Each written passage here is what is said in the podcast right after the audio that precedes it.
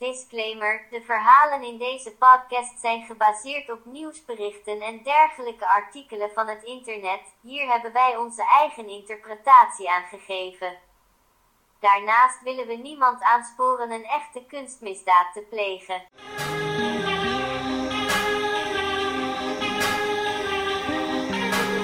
Arts and Crimes. Ja, hallo, hij staat aan. Welkom jongens, ik ben Rut. En ik ben Carlijn. Eh, als je al vaker naar ons hebt geluisterd, dan wist je dat waarschijnlijk al. Hij valt naar beneden. Oh jee. Ja, we hebben een hele mooie nieuwe constructie. eh. We zijn bij elkaar, namelijk. Oh, voor we het zijn bij eerst in maanden. Ja, Rut, Er ik zit, herken een, die er zit een tafel tussen ons in hoor. Ja. Eh, hoe weet je dan dat ik het ben? Shit, ja, je hebt me door. Ik heb je gegoogeld voordat ik hier aankwam. Nice. Eh, ik, eh, ik heb eigenlijk iedere avond naar je foto gekeken. Dus ik wist nog precies wie je was. Dat vind ik Eh. zo mooi om te horen. Ja, het doet een beetje Toch nog iemand die aan me heeft gedacht. Het doet een beetje pijn dat het eh, niet wederzijds was, maar oké. Hé, hey, maar waar gaan we het vandaag over hebben? Eh, nou, vandaag bespreken we eens een keer iets anders dan een eh kunstroof. oh ja, wat dan? Eh, want er zijn natuurlijk veel meer crimes in de art world. En we heten natuurlijk arts and crimes en niet kunstroven. Arts en kunstroven. Of zo, nee. Arts en robbers. arts and crimes. Dus eh, gaan we het vandaag hebben over de Nederlandse meestervervalser. Han van Meegeren. Han van Meegeren. Dus eh, over Han. kunstvervalsing. Van Meegeren. Ja, we hebben het over kunstvervalsing. Dat is iets heel anders Dan roof. dan roof. Inderdaad, bedankt voor deze mooie Ja, aanvulling. in Ik wist plaats van iets weghalen, creëer je iets. Precies. En hoe mooi is dat eigenlijk hè, in deze Ja, wereld? prachtig. Denk ik. Maar Han van Meegeren, wie was dat dan? Nou, ja, Han van Meegeren die werd geboren ergens eh, eind 19e eeuw. En eh, bleek al vroeg teken- en schildertalent te hebben. Eh, maar hij ging, hij ging bouwkunde studeren, dat wilde zijn vader graag. Eh, maar maakte hij uiteindelijk niet af, want hij wilde gewoon heel graag schilderen. Eh, ondanks dat hij, eh, dus dat deed hij ook. Maar, en hij had ook veel talent. Maar critici en pers waren nooit super enthousiast over zijn werk. Dit is een quote van iemand, ik weet alleen niet van wie. Niet bijster origineel, volkomen in het spoor van de klassieke Haagse en Amsterdamse school werd het gevonden. Dus ja, het was gewoon niet zo origineel. Eh, commercieel gezien kon hij op zich wel eh, voor brood op de plank zorgen door het schilderen en verkopen van kitscherige bloemstukjes en stillevens. Ehm, en in 1921 tekende hij bijvoorbeeld in opdracht van het Koningshuis een, een speelgoedhertje, of eigenlijk een reetje. Van Een reet. een reet.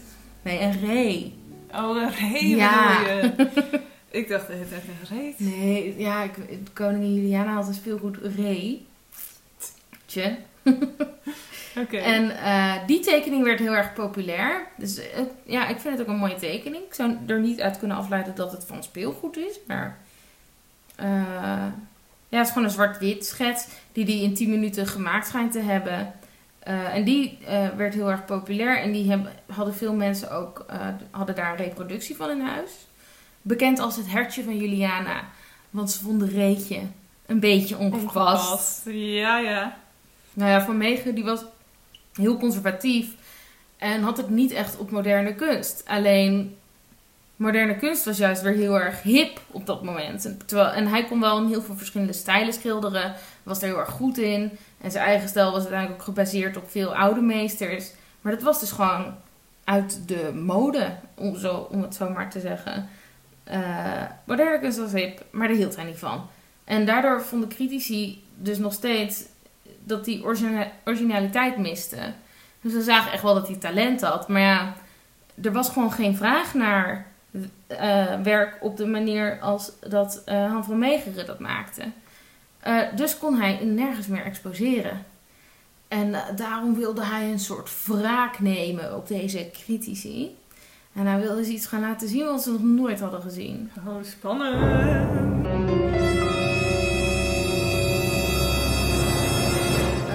Ja, hij was dus een beetje, ik weet niet, hij was misschien onderzoek aan het doen of hij wist al dingen over Vermeer. Ja, Johannes Vermeer Johannes. was een Nederlandse kunstschilder in de Gouden Eeuw. Eh, de 17e eeuw. En Gouden Eeuw is natuurlijk ook maar weer eh, Een zwarte bladzijde. discutabel. Hè? Ja, inderdaad. Maar voor Johannes Vermeer ging het vast wel goed. Al is hij trouwens pas eh, begin 20e eeuw echt bekend geworden. Van. Johannes Vermeer zijn er eh, een 30 of 40-tal schilderijen eh, bekend. Ehm, zoals eh, bijvoorbeeld het meisje met de parel, dat we allemaal wel kennen. Of het melkmeisje of een stadsgezicht van Delft. nou ja, zoals ik al zei, dat was niet altijd even beroemd, bekend, belangrijk. in 19 nee, ik zeg het verkeerd. In 1881 werd het meisje met de parel nog verkocht voor maar 2 gulden. 2 gulden? Ja, dat is niks. Dat is echt niks. Moet je nagaan. Nee, ik denk dat je daar, nu zou je daar miljoenen voor betalen. Ja. Je hebt dus die bekende werken van Vermeer. En die zijn eh, uit zijn latere periode. Eh, en er zitten nogal wat meer bij. Maar dan zijn er ook weer vroegere werken van hem die veel minder bekend zijn. En tussen die twee periodes zit een gat. De, waarin niks is gemaakt. Eh, een soort ontwikkelingsfase tussen wat hij eerst maakte en later van wat we zo goed kennen. Eh, en er zijn dus, eh, waren dus ook onderzoekers in de jaren 30 van de 20ste eeuw. ofwel 1930.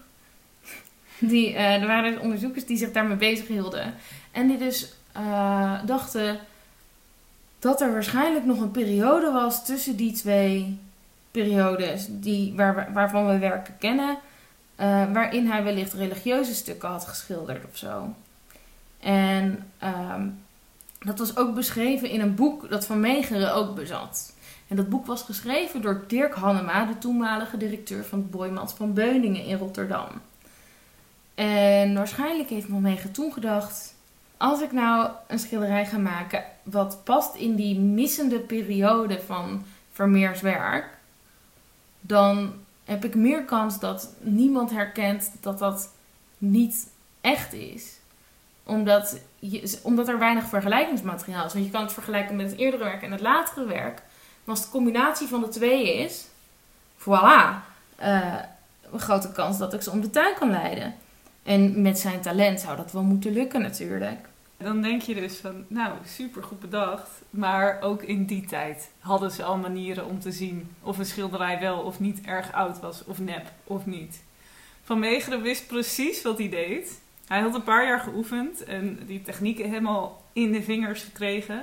Van Meegeren, die nam een oud schilderij uit de 17e eeuw. En dat is dus hetzelfde tijdperk als Vermeer. En hij deed dat omdat dat schilderij dan dus ook echt oud was, omdat hij uit de 17e eeuw kwam. Want als je dus bijvoorbeeld bij zulke oude verf met alcohol eroverheen gaat, gebeurt er niet zoveel. Maar bij nieuwe verf wordt dat dan verwijderd. Dus dan zie je gewoon meteen van, oké, dit is nep of niet. Of nou ja, dit is nieuw of niet. Of oud of niet. Snap je? Eh, van Meegeren maakte zelf verf met oude pigmenten. Zodat hij zoveel mogelijk leek op de kleuren die Vermeer eh, gebruikte. Ook gebruikte hij vloeibare bakkeliet. Ja, dat is spul waar vroeger telefoons van werden gemaakt. Eh, dat gebruikte hij om te mixen met de verf, zodat het bij de verwarming in de oven net zo hard werd als, een, als eeuwenoude verf. En ging er met een rol overheen voor extra krakelé.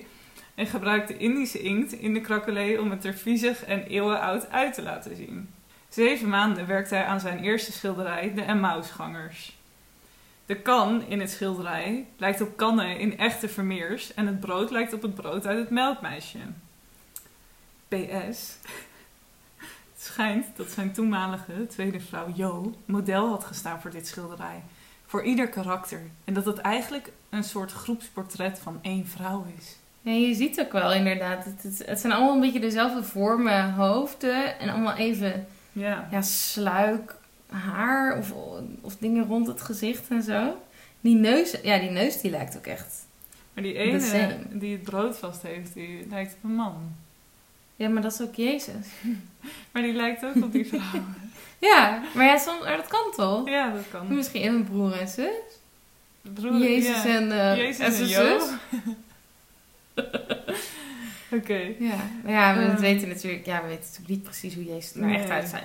Ja, we weten wel dat hij niet zo wit is als op dit schilderij, maar dat eh, beseften ze toen nog niet zo, denk ik. En nu ook Nee, veel mensen misschien. niet, dus op zich. Ja, is zo. Ja, dus die, zie je die witte kan? Ja, die zie Ja. je. Go- Goed voor jou. Ja, bedankt, bedankt. Ja, die Ja, dat is... eh, dat is blijkbaar herkenbaar. En eh, ja, dat brood, ik heb even vergeleken met het melkmeisje. Maar ik, ja, ik zie eigenlijk niet per se de gelijkenis met het brood van het melkmeisje. Maar Het is gewoon brood. eh, al die kenners die zeggen dat, dus het zal wel. Ja, precies. Maar ehm, Maar ja, ja, ja, ik Ja. vind het wel een beetje... Ja, wat vind, wat vind jij van dit ik weet het niet. Ik, twa- ik vind... Ja, ja ik, waarschijnlijk als ik, als ik niet dit hele verhaal nu erbij had Mhm. geweten... En ik had het even zo zien hangen dat ik wel had gedacht van... Oh, hé, hey, dat is een Vermeer. Ja, Maar ja, als je nu dat vergelijkingsmateriaal hebt... dan zie je wel eigenlijk best wel... Toch van... Hmm, is het echt zo? ja. Ja, ik had het er niet Maar zo gauw in herkend. Wat goed van jou. Nou, dat is ook maar... Dat zeg ik ook alleen maar. ik zit gewoon te lullen. Ik Ja, fuck it, doe gewoon de Nee, maar ik denk-. Nee, maar ik denk wel dat je best wel snel het verschil kan zien als je, die, als je dat naast elkaar gaat halen. Ja. Maar dat komt natuurlijk ook, weet je, ik bekijk het nu totaal niet objectief meer. Hè? Dus, Nee, maar ik denk wel als je zeg maar inderdaad voor dit en dan nadoet, dat je wel die ontwikkeling kan zien van eh, ja, die, die die dan doorgemaakt zou hebben, zeg maar. Ja, als dit een echte waar. Vermeer was geweest. Maar ja, dan heb je dus zo'n hele mooie valse Vermeer. Heb je vet veel moeite en heel veel tijd ingestoken. Mhm. En wat ga je daar dan mee doen? Hm? Voordat Van Meegeren het kon verkopen, moest het worden goedgekeurd. Oftewel geauthenticeerd. Dat zeg ik mooi, hè? Zo mooi. Bedankt. Praat verder. door een expert. Abraham Bredius was op dat moment een van Nederlands beste kunsthistorici en gespecialiseerd in Vermeer. Als hij zegt dat het een echte is, zal iedereen het geloven. Dus ja, dan heb je het. Van Meegeren wil niet in het middelpunt staan, dus regelt een tussenpersoon. Van Meegeren vertelt hem dat het schilderij afkomstig is van een Nederlandse familie die momenteel op fascistisch grondgebied leven in Italië en ze moeten daar weg. En ze willen het schilderij kwijt en hun naam moet niet bekend worden. De tussenpersoon regelt dat Abraham Bredius het schilderij te zien krijgt. Bredius ziet Vermeers kleuren, handtekening en brood. Hij denkt te weten dat het een echte Vermeer is en tekent een authenticiteitscertificaat. Nou, zo gezegd, zo gedaan. Nou, Kees. Dat ging wel best wel makkelijk, moet ik zeggen. Ik denk niet dat dat nu in deze tijd nog zo makkelijk zou gaan. Nee, ja, dus, eh, nu zijn er natuurlijk allemaal elektronische scan, digitale scans en shit. Ja. Die, denk ik, dit soort dingen inderdaad makkelijker tegen kunnen gaan. Dat je, dat, dat je beter kan zien hoe oud verf ook daadwerkelijk Hmm. is en dat soort dingen. En dan denk ik dat je bijvoorbeeld ook bakkeliet zo zou ja. herkennen. Ja, dat je Denk dat er ik. meteen uit kan halen. Ja. Ja. Bredius die schreef meteen een artikel over de Vermeer met een foto erbij. En eh, dat wordt in een tijdschrift of zoiets gepubliceerd. En iedereen weet ervan. Twee maanden later koopt Dirk Hannema, Ja, dat was dus die, eh, die directeur hè, van directeur Boymans. van het Boymans. En hij koopt ook voor het Boymans eh, voor maar liefst 520.000 gulden. Here comes the money. Here we go. Op dat moment ging een Rembrandt voor de helft van die prijs in de verkoop, in, in de koop. en in de herfst van 1938 werd het de trekpleister van het museum, van het Boymans. Iedereen trapte erin. Hannema vond het Vermeers mooiste werk. Ja, Ja. dat is toch wel even balen dat dat... eh, Wat een schat. Ja. Echt Nou. lief. Nou ja, dus het was, eh, ja, iedereen was er dus inderdaad gewoon helemaal ingetrapt. En zelfs Hannema, die eh, een heel boek had geschreven over Vermeer, die dacht, dit is het. dit is waar ik jarenlang naar op zoek was. Dus hang het in mijn museum. Helemaal top. Toen, een jaar later ongeveer, begon de Tweede Wereldoorlog. Nederland werd bezet en eh, de kunstmarkt ging helemaal gek. Mensen wilden eh, of heel veel cash in ruil voor hun kunst, of wilden juist graag de kunst kopen voor als er inflatie kwam, zodat ze een soort van verzekering hadden voor zichzelf. Eh, dus Van, van Meegeren maakte nog wat vervalsingen en verkocht die voor mooie prijsjes. hoofd van Christus bijvoorbeeld voor wel 400.000 gulden. En ook een laatste avondmaal voor 1,6 miljoen gulden. En dan nog een andere voor 1 miljoen 2200 1 miljoen 275.000 gulden. Money, money, Eh, en die was zelfs minder Money. Maar het, het- nu achteraf gezien vinden mensen dat die minder mooi en, en goed is gelukt dan bijvoorbeeld die andere. Maar iedereen geloofde hem gewoon. En die verkocht hij aan het Rijksmuseum. En, eh, want ze wilden, kosten wat het kost, niet dat die door Duitsers gekocht werd. Want de Duitsers hadden blijkbaar ook interesse. Of dat had hij gewoon gezegd. Dat kan ook. En hij maakte ook een paar neppe Pieter de Hoogs. Die schildersnaam die herken ik niet. Maar eh, onder andere eentje voor 219.000 gulden. En dat blijkt gewoon de hele tijd gewoon goed te werken. Hij maakt gewoon een schilderij. Eh, wat een, gewoon een soort topstuk is. En hij verzint er een verhaal bij dat het van een of andere zielige familie is die onbekend moet blijven. Weet je wel, echt anoniem. Want wie weet eh, wat er anders met ze gebeurt. En hij verkoopt alles en hij krijgt zoveel geld binnen. En één valse vermeer van Van Meegeren, Christus en de overspelige vrouw, wordt op een gegeven moment verkocht aan kunstliefhebber en nazi Herman Geuring voor 1.650.000 gulden. Zo, zo. Nou, Geuring, hoogpief bij de nazi's. Eh, net, zoals, net zoals Hitler, eh, kunstliefhebber Hitler, die had eh, geloof ik een paar echte vermeers.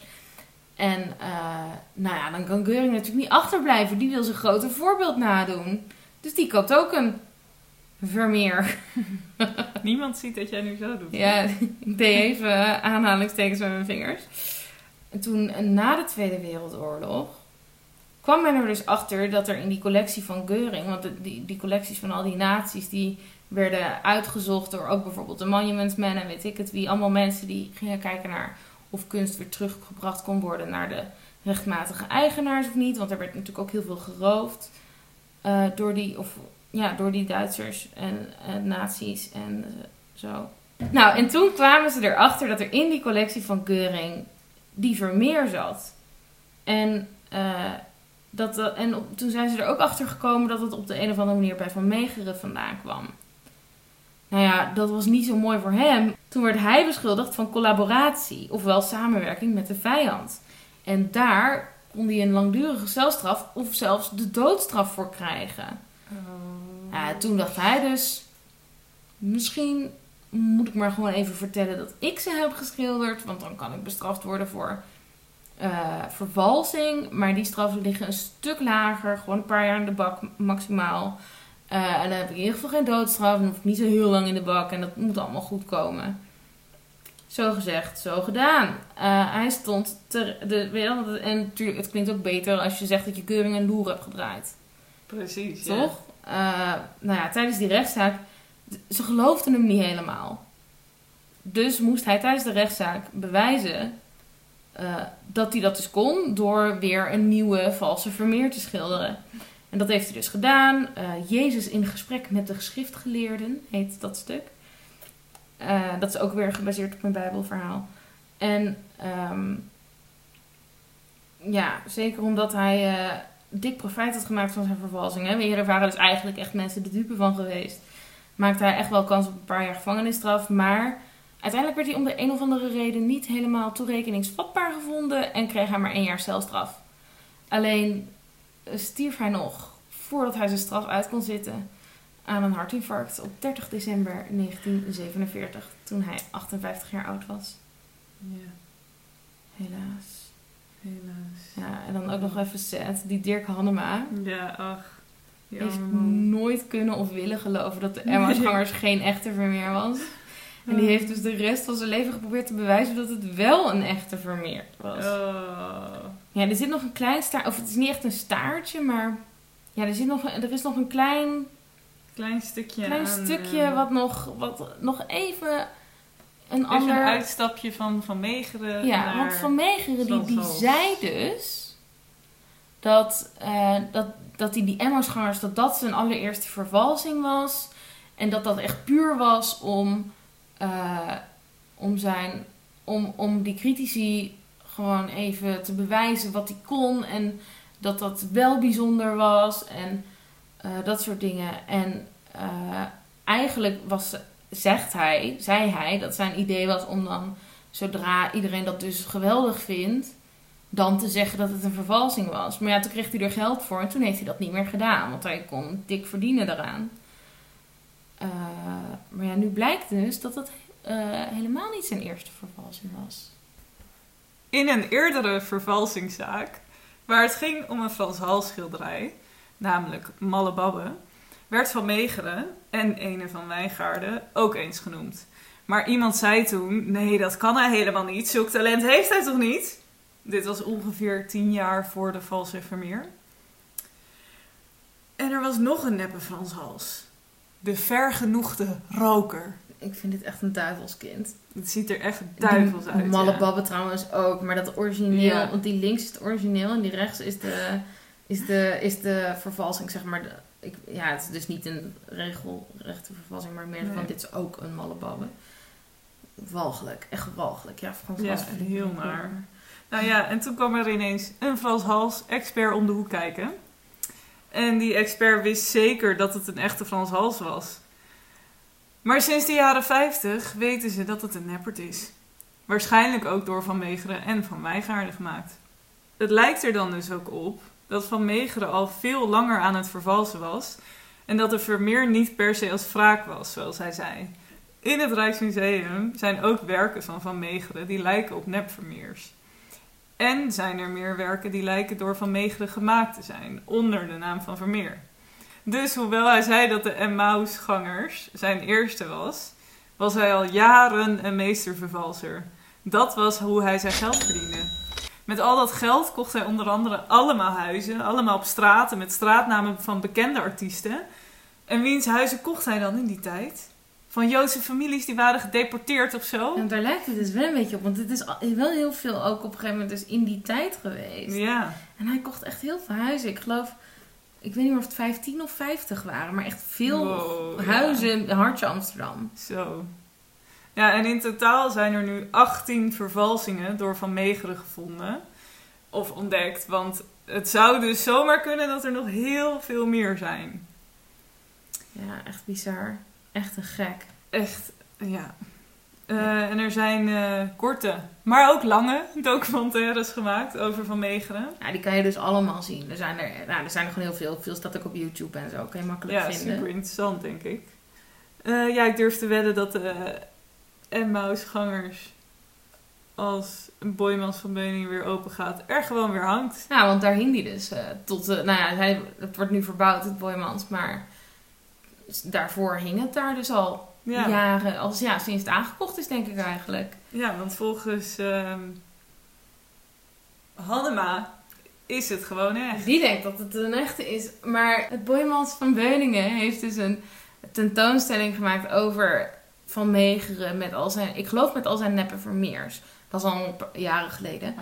En, eh, de, en nou ja, want hij is natuurlijk ook wel gewoon echt een kunstenaar. En daarom hangt zijn werk alsnog in het museum. Nee, nu even niet, want het is dicht nu. Maar la, ik, ja, het zal er weer gaan hangen. Neem ik Niet alleen een kunstenaar in de schilderkunsten.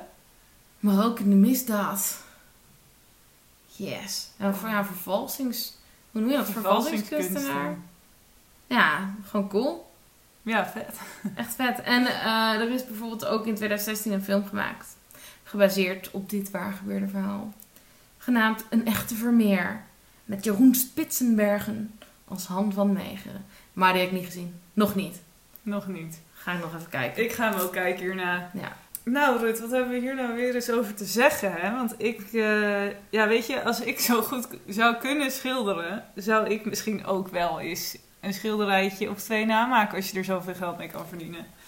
Maar ja, je loopt dan wel weer eh, op eh, hoge hakken. Dat is niet hoe de uitspraak gaat, dat weet ik ook wel. Maar ik weet even niet hoe die normaal wel gaat. Op hoge tenen? Nee. Ehm, ik bedoel zeg maar te zeggen dat je... Nou, je op hoge hakken lopen is moeilijk, dus... Ja, maar meer dat het, gewoon heel wel, spannend is wat je... Ja, Ja, of je je enkel gaat verzwikken of niet. Bijvoorbeeld, Ja, ja. ja. hoge hakken. Ja, jij zou, het, jij zou het wel doen. Als je het kon. Nou, ik zou wel zeg maar even in, in zijn mindset, als je de hele tijd wordt afgewezen omdat je kunst net niet goed genoeg is, terwijl het wel heel mooi is Mhm. en heel goed gemaakt is, dan zou ik op een gegeven moment ook zo gefrustreerd zijn dat ik denk van ja, als ik hier wel mijn geld mee ga, kan verdienen, dan doe ik dat maar, weet je wel. Want hij doet dan toch iets waar hij goed in is, alleen doet hij het niet echt via de beste manier. Mhm. Maar ja, als je anders niet beloond wordt door wat je maakt, terwijl je zelf weet en heel veel andere mensen weten wel dat het goed is, maar net niet. Ja, maar dat is ook het hele ding in de hele Ja. kunstwereld. Hè? Ja, wat ik dus ook wel leuk... Ik kan me daar ook wel heel goed in verplaatsen. En wat ik eigenlijk ook denk... Uiteindelijk zou je een schilderij toch kopen omdat je het heel mooi vindt... of er een heel bepaald gevoel bij hebt. En eh, ja, dus is dat het niet gewoon waard? Jij, ze hebben het schilderij gekocht we- weliswaar denkende dat het een vermeer is. Maar er zit toch meer waarde aan een kunstwerk dan wie het heeft gemaakt. Dus ik denk eigenlijk, ja, verdiend. Hij heeft dit zo bedacht. Hij heeft super veel moeite ervoor gedaan. Het is niet zo van alsof het een fluitje van een cent was of zo. Hij heeft zeven maanden aan zijn schilderij gewerkt. Dat is super lang. En daarvoor heeft hij al allemaal technieken uitgeprobeerd en zo. Ik, het is al een kunst dat hij überhaupt die verf zo heeft gekregen. En dat het dan lijkt op een oud schilderij. En dat dan nu ja, dat iedereen dan gelooft dat het ook nog klopt. Dat dit een tussenperiode geweest kan zijn. Ja, dat vind ik ook wel een kunst op zich. En dan daarnaast, ja, het is gewoon... eh, ik bedoel, kijk, het zijn niet eh, kunstwerken die ik persoonlijk nou heel erg mooi vind. Ehm, maar knap Maar werk. toch, Ja, ik vind dat je dat heel mooi hebt gezegd, Ja, Rut. nou dankjewel. Een, En, ku- een eh, kunstenaar met woorden. Ja, prachtig. ik denk dat we het hier ook maar gewoon bij afsluiten. Nou, vooruit. Dan kan de luisteraar er nog eventjes over nadenken wat je allemaal hebt gezegd. Want eh, ja, je, je, je had wel even, je raakte net die gevoelige snaar. Hmm. Heb je goed gedaan. Is dat een snaar? Ehm, nou, je kan... nou, ehm, je, ik denk, eh, we zetten op eh, Instagram, Facebook een paar afbeeldingen. Sowieso die waar we het over hebben gehad.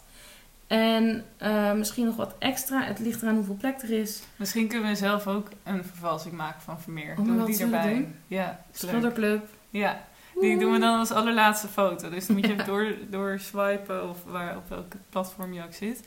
Dan moet je even kijken naar de allerlaatste een aparte foto's.